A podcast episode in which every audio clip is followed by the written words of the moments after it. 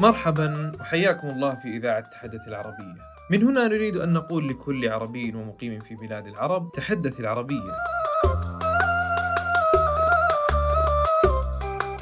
عام 1947 في الهند وقبل استقلالها وتحررها من الاستعمار البريطاني احتدمت في أوساط العموم الآراء والنقاشات حول رياضة دخيلة انتشرت في الشوارع الهندية احتج بعض الطلبة مطالبين بمقاطعتها لدرجة أنهم وصفوها بسم بطيء يعطى للجيل الهندي الصاعد ويقطع الطريق على الاستقلال.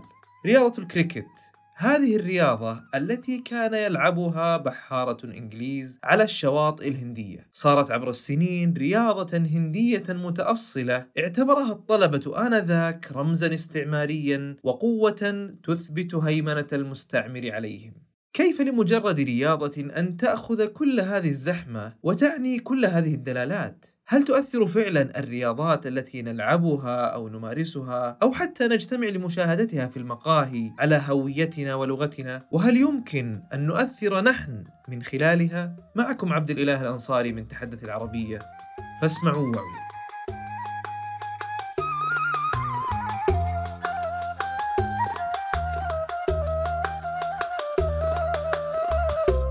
لا يخفى عليك عزيزي المستمع ما تمثله الرياضة لنا وعبر حياتنا. من طفولتنا ولعبنا الكورة مع أولاد الحارة إلى الألعاب الإلكترونية التي نلعبها في شبابنا وحتى الضومنة التي يلعبها كبار السن. هذا غير الرياضات التي نختار مشاهدتها في أي من تلك الفترات.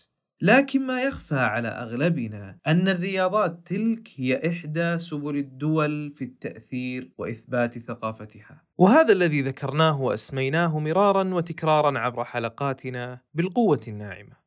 عندما تشاهد مباراة أو سباقا لأي رياضة كانت فبجانب التشويق الذي يغمرك في حال قارب فريقك المفضل على الفوز أو شعورك بالخيبة إن كانت النتيجة غير مبشرة فإنك تتعرض بطبيعة الحال بجانب كل ذلك للثقافة واللغة التي تحويها تلك الرياضة دون أن تشعر. فإذا كنت من محبي كرة السلة مثلا، لابد أنك ملم بالثقافة الأمريكية عندما تشاهد بطولات ال NBA، وقد تتعرف على الثقافة الصينية والكورية خلال مشاهدتك لبطولات تنس الطاولة، أو تتعرف على ثقافة دولة ما ونشيدها الوطني، وحتى أبرز معالمها إن استضافت سباقات الفورمولا أو كأس العالم. نحن غالبا ما نتأثر بالقالب الثقافي الذي تحويه الرياضات، ولكن يكمن السؤال هنا: ما منفعة الدول من كل هذا؟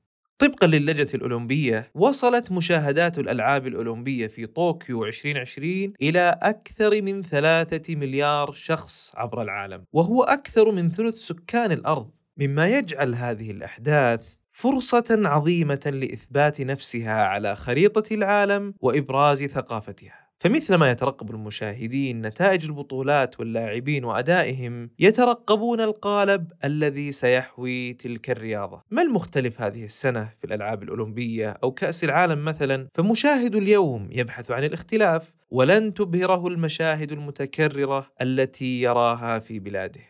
يثبت ذلك ما يسمى بتميمة كأس العالم لكرة القدم، وهي إحدى الطرق الترويجية لحضور الكأس، ومن خلال خلق الشخصية التي تمثل الدولة المستضيفة لهذا الحدث الضخم، وهي رمز يمثل إحدى الخصال الثقافية التي تميز الدولة المستضيفة، كأن تكون رمزا أو حيوانا وطنيا أو قيمة ما ففي عام 2014 وحين استضافت البرازيل كأس العالم اتخذت أحد فصائل حيوان المدرع الذي لا يوجد إلا في البرازيل كرمز لها وطريقة تعبر به بشكل غير مباشر عن الثراء البيئي البرازيلي.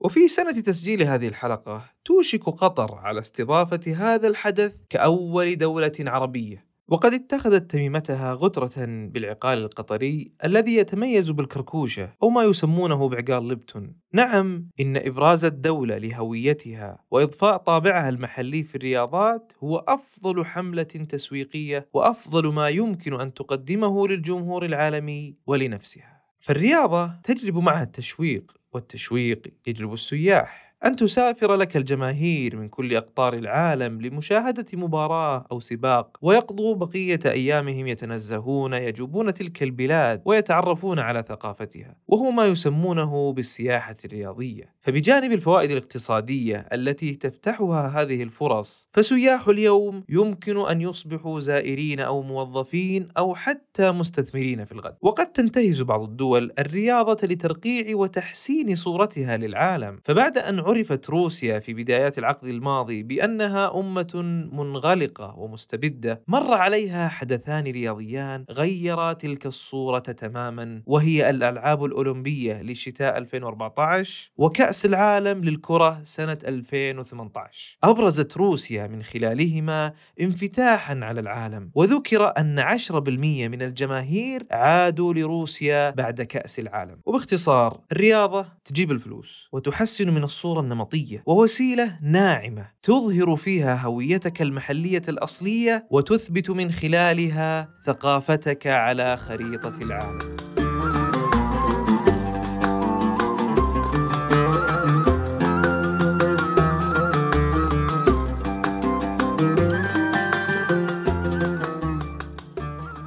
ذكر الهوية الأصلية. فبجانب الرياضات العالمية رياضات أخرى متأصلة في بعض الثقافات أكثر من غيرها.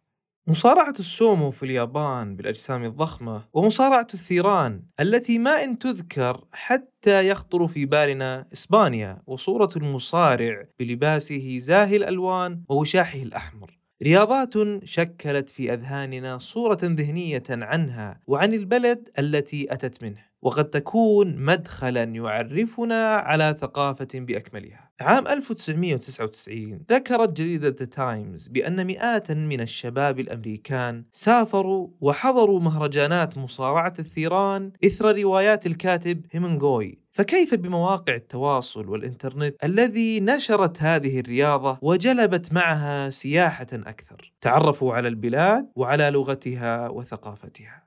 ينطبق الأمر تماما على رياضة السومو فوصف مصارعو السومو بأنهم يساهمون بنشر ثقافة اليابان عبر البحار.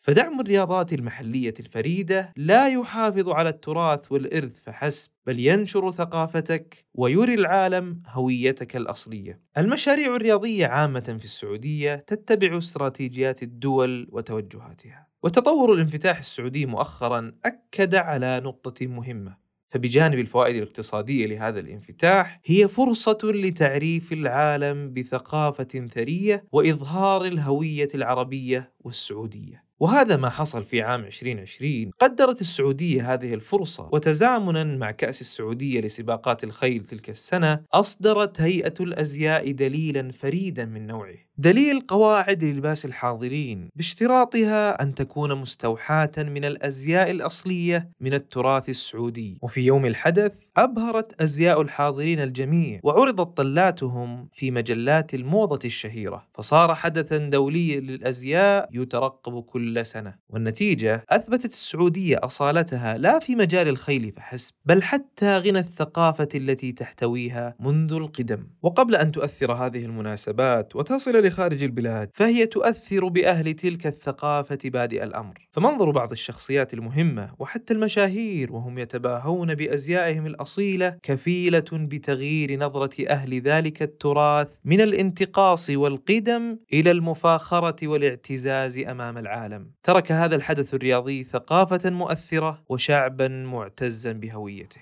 ولكن ما موضع اللغة من كل هذا؟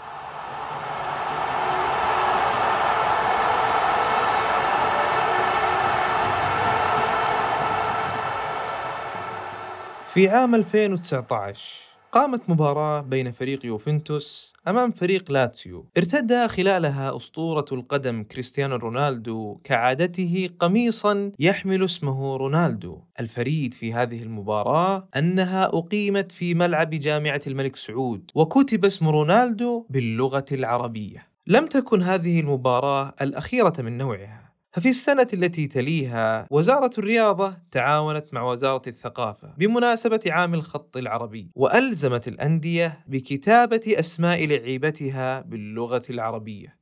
والهدف اللي أعلنته وزارة الرياضة هو تعزيز مكانة المملكة العربية السعودية كعاصمة للخط العربي وإبراز فن الخط العربي بوصفه فنا قائما بذاته يعكس تراث الثقافة العربية. فالرياضة كانت وسيلة لإيصال رسالة ثقافية بحتة. من خلالها ثبتت أهم أركان هويتنا وهي اللغة العربية.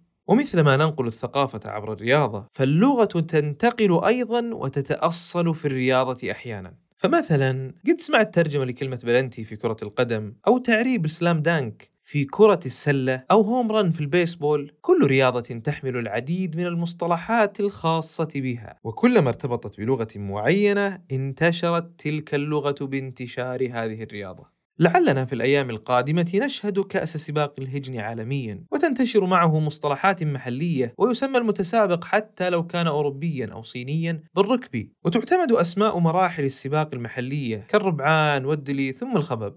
أو نرى رياضة المبارزة بالسيوف التي كان يمارسها العرب في الألعاب الأولمبية وتسمى بطولاتها بأسماء كذو الفقار أو البتار على أسماء سيوف رسول الله عليه الصلاة والسلام. ما نريد قوله باختصار بأن الرياضة وسيلة تأثير عظيمة سواء كانت رياضة محلية تجتذب سياحا لمشاهدتها خصيصا أو رياضة عالمية تسلط من خلالها الأضواء على الدول المستضيفة لها.